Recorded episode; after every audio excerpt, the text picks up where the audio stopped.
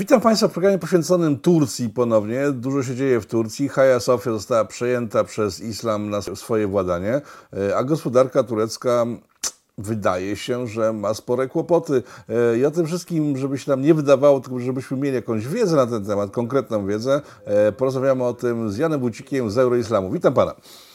Dzień dobry Panu, dzień dobry Państwu.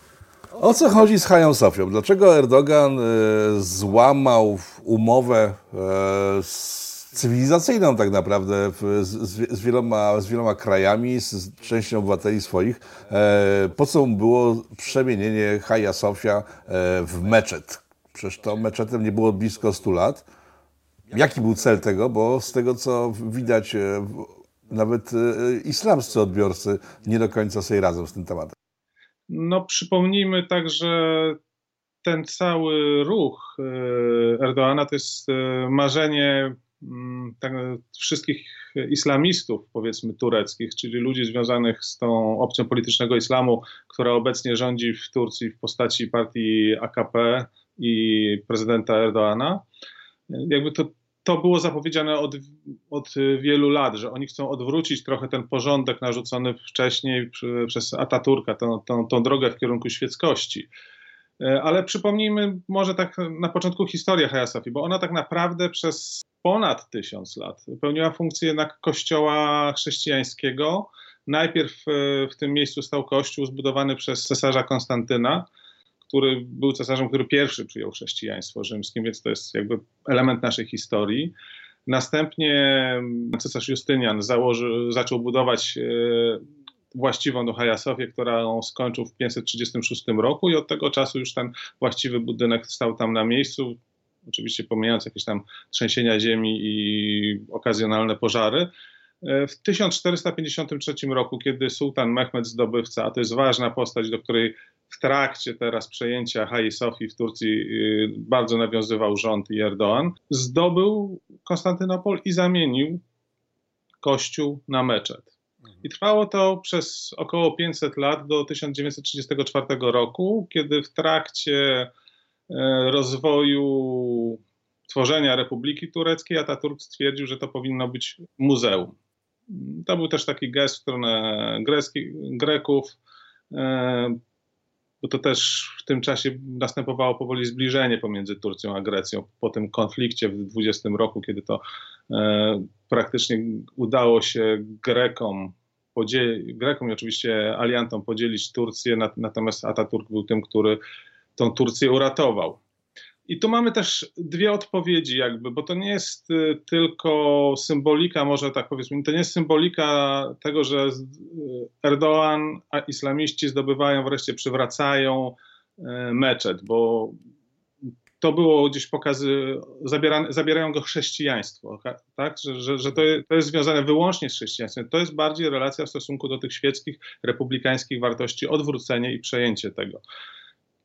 I te dwie postaci, Erdoğan i Ataturk, to są os osoby, które reprezentują odmienną odpowiedź tak naprawdę świata islamu na kryzys w relacji z Zachodem, który miał miejsce w XIX wieku tak naprawdę i później na początku XX wieku, czyli e, Ataturk, sekularyzacja, imitacja Zachodu, próba po prostu e, nadążenia za Zachodem przyjmując jego zasady, i Erdoğan, który jest w tym nurcie islamizmu zapoczątkowanym przez e, Hassana Albamę, Maududiego Kutba, który mówi po prostu, że powinniśmy wrócić do islamu i dlatego, że odeszliśmy od islamu, jesteśmy tak słabi. Przypomnijmy może trochę Ataturka, bo on bardzo ostre reformy wprowadził w Turcji. E, taką najbardziej brutalną i ostrą była e, zmiana alfabetu. Wszystkie książki, które przed zmianą alfabetów istniały, pokolenie później nie były czytelne dla nikogo, po prostu zrobił zmiany kulturowe w, w, w, w tureckiej polityce i w, i społeczeństwie. To bardzo ostry zawodnik. No tak, e, Ataturk e,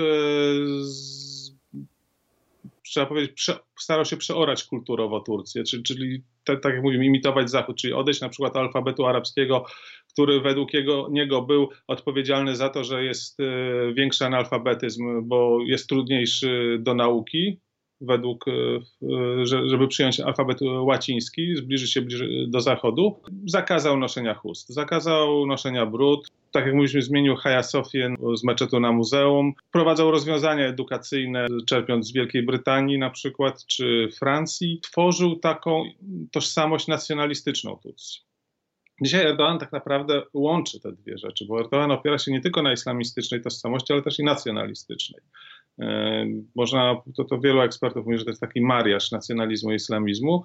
I w ten sposób w tej chwili Erdogan, gdzie gospodarka niezbyt działa, gdzie Turcja jest w wielu konfliktach, jego partia trochę traci poparcie, próbuje poparcie odzyskać poprzez tak mocny ruch, tak? spełnienie pewnej obietnicy, że E, Haja Sofia wróci do islamu. Ale, ale Erdogan szedł do władzy nie pod hasłami religijnymi, tylko pod hasłami właśnie reformy gospodarczej, która miała uratować e, Turcję przed pożogą. Co się stało? Znaczy Erdogan szedł po, pod tymi obydwoma, tak? On wiadomo był z tego nurtu isla, e, islamistycznego, był wiernym uczniem poprzedniego prezydenta, premiera Turcji Semita Erbakana, który został usunięty w wyniku przewrotu.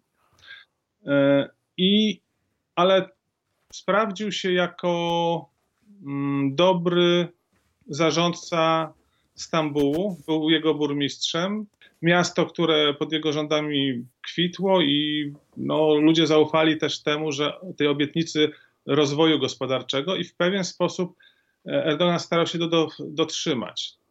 Ale mm, jeżeli mamy na to spojrzeć całościowo, to trzeba najpierw zobaczyć, jak wygląda struktura tureckiej gospodarki. To znaczy, Turcja nie posiada zasobów, które by mogła eksportować, natomiast jest uzależniona od tych e, zasobów energetycznych, zwłaszcza które musi importować. Przemysł jest, rozwija się, ale on jest podłączony jakby tak podobnie jak gdzie nie jest na końcu tego łańcucha, a w środku, więc jest zależny od innych no, no, od e, globalnych korporacji, więc Turcja też nie ma takich własnych towarów, dużego eksportu, więc żeby zapewnić obywatelom i zapewnić e, swojej bazie elektoratu dobrobyt, który powoduje, że będą głosować na niego, e, musiał uciec się do stymulowania gospodarki poprzez kredyt konsumencki, czyli ludzie, którzy generowanie popytu konsumenckiego, ludzie mogli więcej wydawać, e, żeby poprawić swój dobrobyt, a z drugiej strony stymulować gospodarkę. Ale to z kolei wymaga stałego dopływu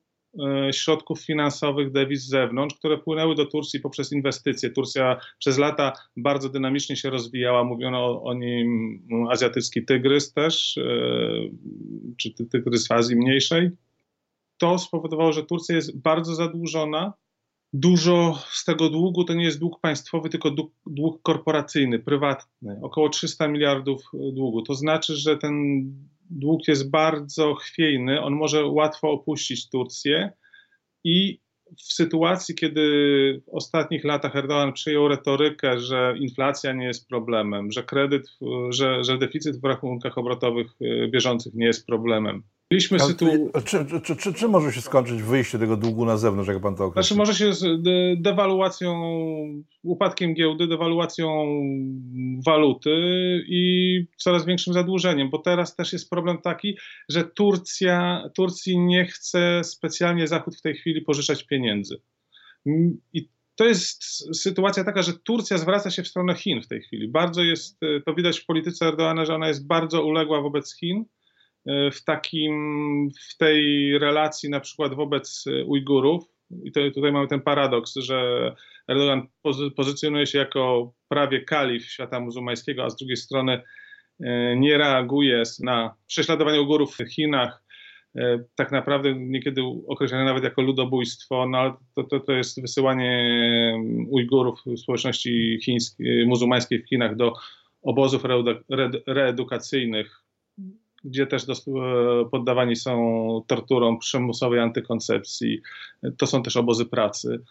E, I Erdogan milczy, ponieważ szuka kolejnego inwestora, szuka innych ludzi, którzy, innych państw, które sfinansują ten deficyt e, turecki. No to jest pewien paradoks, bo Turcja spolegliwa wobec Chin, ma z nimi obrotów raptem 23 miliardy dolarów, podczas gdy z Unią ma 160 miliardów i to w, w z Unią Europejską jest po połowie mniej więcej, po 80 miliardów e, import-eksport, gdzie ta struktura w, e, w, w, relacji z Chinami jest zupełnie niekorzystna dla Turcji, bo Turcy 22 miliardów importują z, z, Chin, więc jest to na korzyść raczej Chin. Inwestycje bezpośrednie z Chin stanowią obecnie około 1% ze 150 miliardów bezpośrednich inwestycji, natomiast unijne około 60%. Więc tak naprawdę teoretycznie Unia Europejska, Europa ma większe, powinna mieć większe przełożenie na, na Turcję niż Chiny. A jednocześnie w, reto, w retoryce e, prezydent Erdogan o wiele bardziej atakuje Europę za jakieś drobne uchybienia wobec społeczności muzułmańskiej, podczas gdy wobec Chin milczy. Dlaczego nie ma? Są dwie rzeczy. Jedna to to, co powiedziałem, że szuka w Chinach nowego inwestora, nowych pożyczek i, i Chiny są zainteresowane coraz bardziej inwestowaniem w Turcję ze względu również na tą inicjatywę jednego pasa, jednego szlaku, jednej, jednej drogi, tak? E, czy, czy, czy, czy tego połączenia kolejowego, drogowego Chin z Europą. E, a z drugiej strony no, Chinom udaje się też tanio kupować pewne rzeczy, same się rozwijają w, w tym rejonie, to znaczy e, ostatnio na przykład e, za 1 miliard dolarów tylko kupili 50% największego terminala portowego na Morzu Czarnym.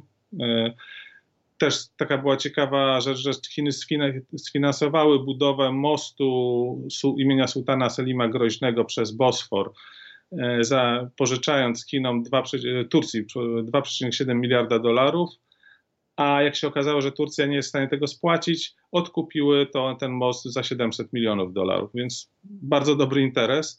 Więc Chiny są tym zainteresowane. A czemu jest jeszcze ta różnica między Chinami a Europą? No to mniej więcej jest taka, że Europa nie jest, nie ma jednego głosu, tak? Że nie gra, jed, nie ma jednego decydenta, który by miał stanowczą politykę wobec Chin i może rozgrywać e, tutaj różne państwa, inne relacje mieć z Francją, inne relacje z, z Niemcami, biorąc też pod uwagę dużą obecność tureckiej mniejszości w Niemczech. Ale sam pan wspominał, sam pan wspominał parę programów te, temu, że Turcy wypierają Chińczyków e, z Afryki, tak? I wyglądało na to, że oba te państwa są w konflikcie ekonomicznym, przynajmniej, przynajmniej ekonomicznym w, w, w Afryce. E, tymczasem dzisiaj słyszymy, że Turcja jest, jest no, w niekorzystnej sytuacji w stosunku do Chin. Jak, jak to wygląda w takim razie? Tak... E? W związku z tym, że jest dużo inwestycji zachodnich, dużo pożyczek zachodnich w Turcji i Zachód jest już zaniepokojony podejściem do tureckiej ekonomii stanów, jak, stanem, w jakie ekonomia turecka się znajduje, wysokie bezrobocie, wysoka inflacja i dość nieprzewidywalny prezydent, Turcja jest zmuszona szukać gdzie indziej finansowania. I to jest jedna rzecz. Druga rzecz, że Turcja podjęła grę o Afrykę, o ro rozwój y, interesów tureckich w Afryce. Tutaj mówiłem nie o całej Afryce, tylko o Somalii, skąd rzeczywiście tureckie towary wypychają chińskie i Turcji udaje się tam rzeczywiście y, też przy pewnych inwestycjach zyskiwać. To znaczy Turcja w Somalii jest odpowiedzialna za budowę infrastruktury, na której na pewno zarabiają tureckie firmy. Turcja też wchodzi w inne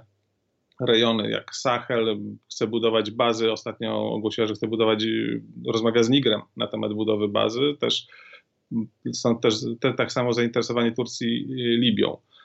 I tutaj rzeczywiście Turcja może być w konflikcie z Chinami, ale pamiętajmy, że Chiny też wykorzystują czasami e, relacje świata muzułmańskiego, akurat nie w przypadku Turcji arabskiego, tak, ale no, ten, ten bliskowscho, bliskowschodnie kraje arabskie, wykorzystywane są trochę do wspierania obecności Chin w biznesie z państwami afrykańskimi. To jest przykład Maroka, gdzie Chiny współdziałają ze Zjednoczonymi Emiratami Arabskimi czy Arabią Saudyjską.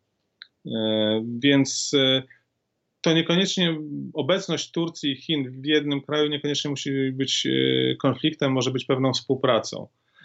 Natomiast pozycja Erdoana wobec Chin jest w tej chwili no, bardzo słaba dlatego że musi starać się o pożyczki. Oni tam obiecują im nawet e, zwiększenie tych inwestycji i pożyczek do 6 miliardów euro w najbliższych latach, co i tak jest dużo mniej niż Unia Europejska. I e, pojawia się też takie pytanie, bo spotkałem się z takimi oskarżeniami, że to Zachód wepchnął Turcję w ręce Rosji i Chin, że, dlaczego Turcja zaczęła z nimi współpracować, ale to nie jest do końca prawda, bo mm, Turcja od pewnego czasu, może z powodu tego, że nie została tak od razu przyjęta do Unii Europejskiej i te negocjacje były, toczyły się z dużym oporem, może podjęła taką mm, świadomą decyzję, że będzie próbowała balansować, będzie pomiędzy Zachodem i Wschodem. Zaczęła rozwijać y, różne mm, inicjatywy zarówno z Rosją, zakupienie rakiet S-400, które, e, systemów przeciwrakietowych S-400, które mm, zdenerwowały i NATO, i Stany Zjednoczone.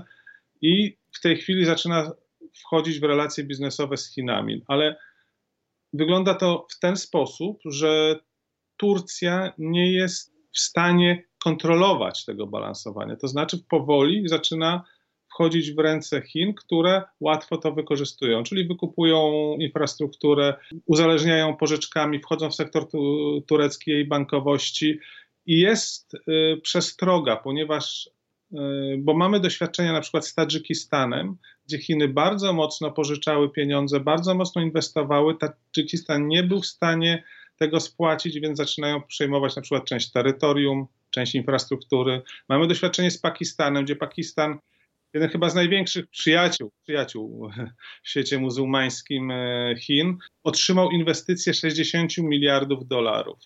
Ale po latach zorientował się, że te 60 miliardów dolarów zostało zainwestowanych w infrastrukturach. Niewiele przyczynia się e, mm, rozwojowi gospodarczemu Pakistanu. Dopiero dwa lata temu pojawiły się głosy ze strony Pakistanu, że chcieliby jednak trochę też tych inwestycji chińskich w rozwój własnego kraju. Więc Chiny, jeżeli Turcja chce balansować trochę między Zachodem, Chinami a Rosją, musi pamiętać, że Chiny nie będą.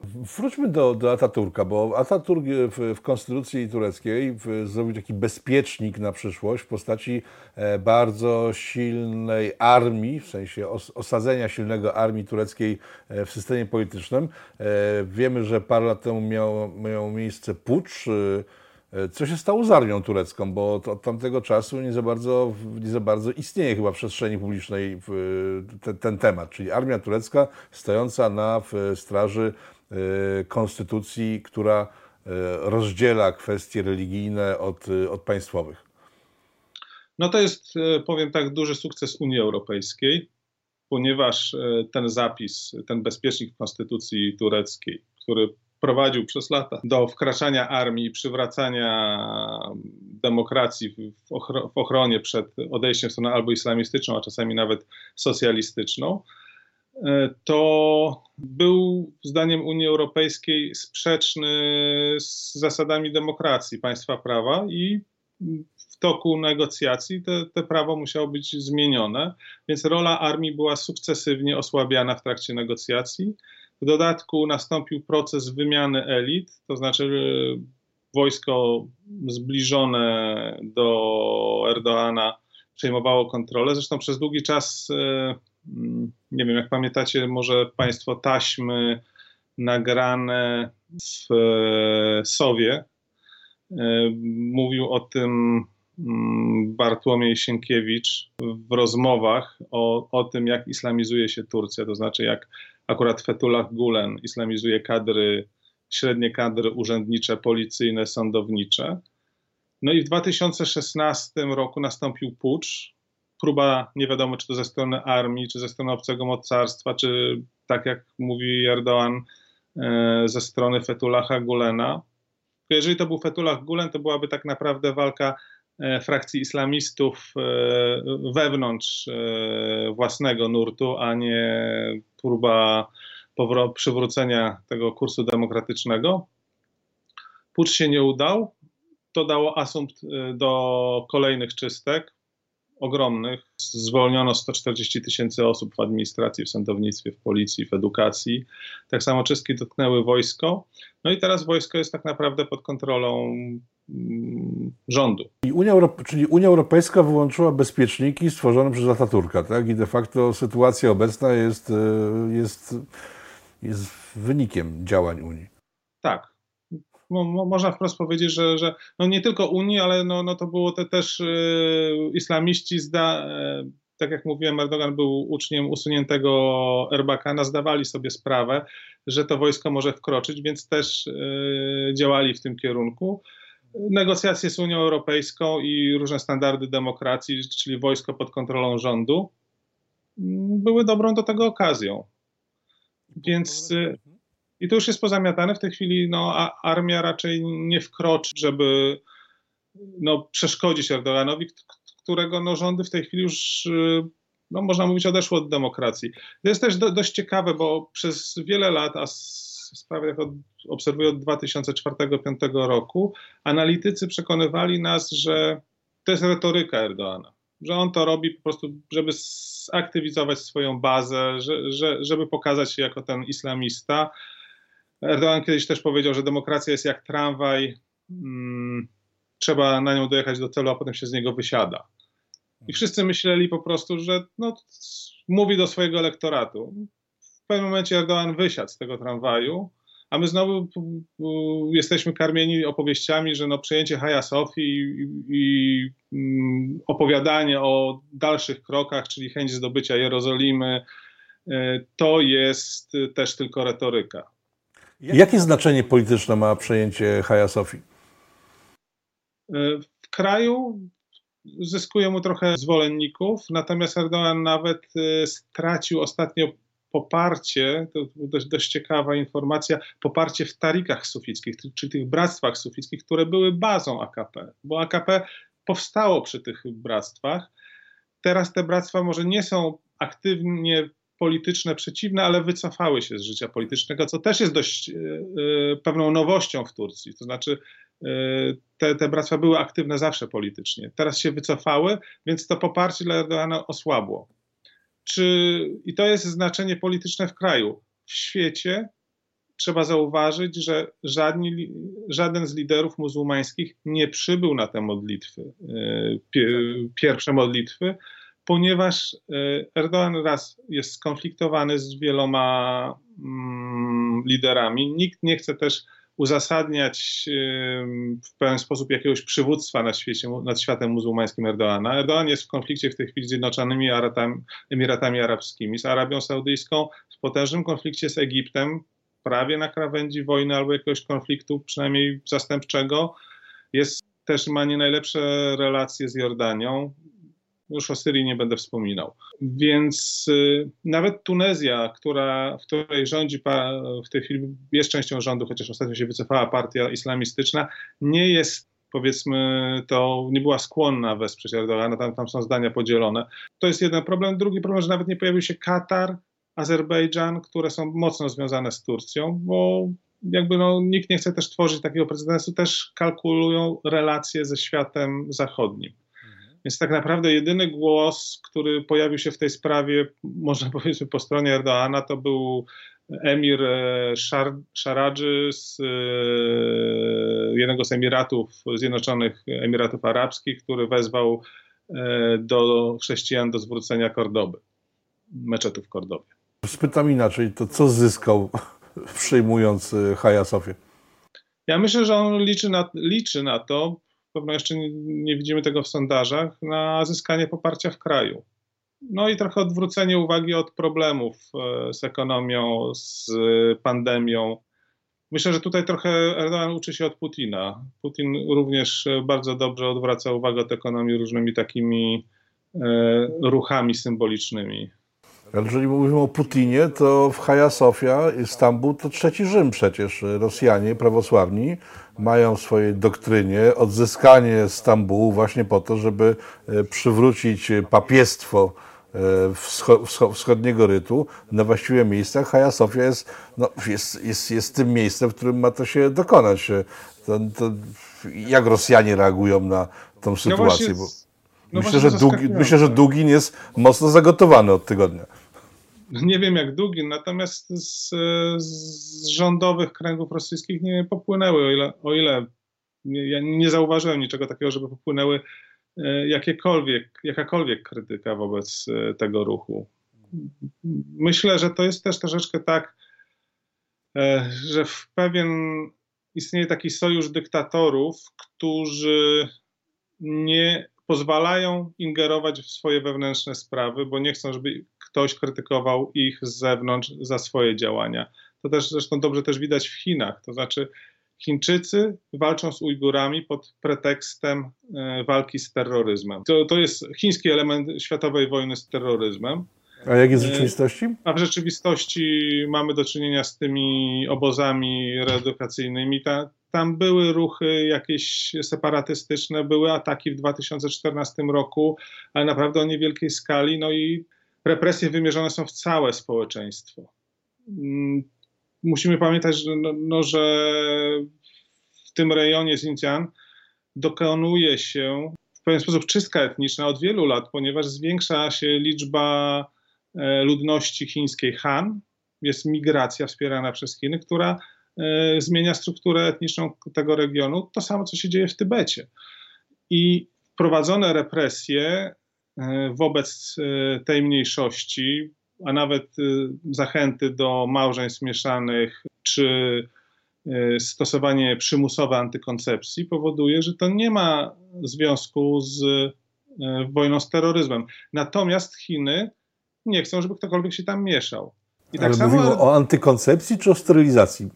Mamy do czynienia z oskarżeniami o sterylizację i o przymusową antykoncepcję to, to jest ze strony Amnesty International. Tam są również oskarżenia, nie wiem na ile potwierdzone, o przymusowe pobieranie organów od y, uwięzionych y, Ujgurów. Więc y, jakby lista tych różnych przestępstw, o które oskarża się Chiny, jest duża, a Turcja, pozycjonująca się jako lider świata muzułmańskiego, milczy. Dlaczego? Dlatego też, że Ujgur, Turcja prowadzi podobną, może nie, nie taką samą, ale też dy, dyskryminującą politykę wobec mniejszości kurdyjskiej. Liderzy partii kurdyjskiej są w więzieniu oskarżeni o terroryzm. E, z, partii, z kurdyjskiej organizacji walczącej w Syrii próbuje się zrobić organizację terrorystyczną podobną do PKK. E, Turcja prowadzi też działania w Iraku, w, w, w autonomicznym regionie Kurdystanu przeciwko partyzance kurdyjskiej. Więc y, Turcja też nie chciałaby oskarżeń o łamanie praw człowieka, więc uznaje, że Chiny walczą z terroryzmem i Turcja też walczy z terroryzmem. To jest ten sojusz, y, gdzie przyzwalamy na łamanie praw człowieka i nie pozwalamy, żeby ktokolwiek z zewnątrz mieszał się nam w nasze sprawy. No dobrze, ale jak doszło do tego, że y, państwo, które od tysięcy lat, znaczy mówię o rejonie, nie o samym państwie tureckim oczywiście, e, że rejon, który od tysięcy lat żył ze swojego położenia, bo przypominam Konstantynopol, e, późniejszy Stambuł, e, to było miasto, miejsce transferów gospodarczych, tak? Kiedy byłem w, Stambule 10 lat temu, jechałem takim długim brzegiem w kierunku do Hagia Sofii, i przez dobre kilkanaście kilometrów jazdy e, Bosforem po prostu płynął statek za statkiem. To przecież jest, to powinno być bardzo bogate państwo. Tak to przecież wyglądało 10 lat temu. E, tym, tym, tym, tymczasem pan mówi, że e, ich gospodarka kompletnie siadła. Fakt, że była zawsze oparta bardziej o rolnictwo niż o, to, o jakieś, o jakieś bardziej skomplikowane techniki, ale jednak to jest położenie, żywność, jest coraz droższa na świecie, ten kraj powinien kwitnąć. Co tam się zepsuło, że wygląda tak, jak wygląda? Rozwój, na który postawiła Turcja za czasów Erdogana, opierał się na popycie krajowym. Popyt krajowy był stymulowany kredytami, inwestycjami zewnętrznymi, no tak, ale wszyscy, wszyscy biorą kredyty i wszyscy się rozwijają. To, to, to, jaki tam musiał jakiś mechanizm zadziałać po prostu nie taki, bo e, Polska bierze kredyty, tak? Ale nie tak. popada w biedę, tylko się rozwija, tak? E, tak Turcy Polska... brali kredyty, ale coś tutaj chyba coś, coś poszło nie tak. Co, co z tymi pieniędzmi się stało? Przecież e, no, chodzi o mechanizm, tak? Że po prostu wytłumaczyć ludziom, dlaczego, dlaczego tam coś nie pykło, mówiąc kolokwialnie. Czy nie wiemy Wiesz, tego? Powiedzmy tak, nie, nie, nie. No. Zastanów się, w Polsce deficyt w obrotach bieżących ma inną strukturę, to znaczy nie jest y, tak wysoki w stosunku do PKB, więc Polska nie jest jakby y, wystawiona na ucieczkę kapitału krótkoterminowego. Turcja jest mocno tutaj y, otwarta, w dodatku ma niskie rezerwy waluty, którą jest w stanie bronić się przed ewentualnymi spekulacyjnymi działaniami. To było widać w 2018 roku, kiedy Trump zagroził wojną celną. lira po prostu turecka spadła automatycznie i inwestorzy uciekali z Turcji. W tej chwili dalej jest ten kapitał inwestycyjny zagrożony. No ale jeszcze w 2010, wtedy właśnie jak byłem w Stambule, była sytuacja taka, że e, Polska i Turcja startowała w sumie z tego samego pułapu w, po, po, po upadku żelaznej kurtyny, tak? E, I w 2010 Turcja w porównaniu do Polski była o wiele lepiej radzącym sobie krajem gospodarczo. A w tej chwili w ciągu, w, w ciągu 10 lat nagle jaki, jakiś regres nastąpił. Gdzie jest mechanizm, który za to odpowiada? Znaczy ten, ten regres mógł jeszcze nastąpić yy, z jednego powodu. Tak? Dużych różnic strukturalnych w Turcji pomiędzy prowincją a miastami. Ta prowincja była dużo bardziej biedniejsza niż Polska. I stymulowanie tego, jeszcze raz powtarzam, yy, konsumpcją wewnętrzną, czyli kredytami tak naprawdę, no bo skądś te środki trzeba dostarczyć, a nie rozwojem w dużo większym stopniu niż w Polsce, e, spowodowało to, że Turcja e, no jest, e, turecka gospodarka jest chwiejna. Przecież to nie jest, nie mówimy o tym, że to jest biedna, że to już jest katastrofa, ale jest wysokie bezrobocie, jest ryzyko cały czas odpłynięcia kapitału, Turcja szuka tego kapitału i Turcja chce wrócić do tego, o czym Pan wspomniał, do tego bycia centrum szlaku handlowego. Stąd relacje z Chinami, ponieważ teraz szlaki morskie y, światowe omijają Turcję, ten, ten główny szlak pomiędzy Azją a Stanami Zjednoczonymi Europą, a szlak kolejowy, drogowy mógłby przez Turcję mm, przechodzić. Więc to jest też walka Turcji o to.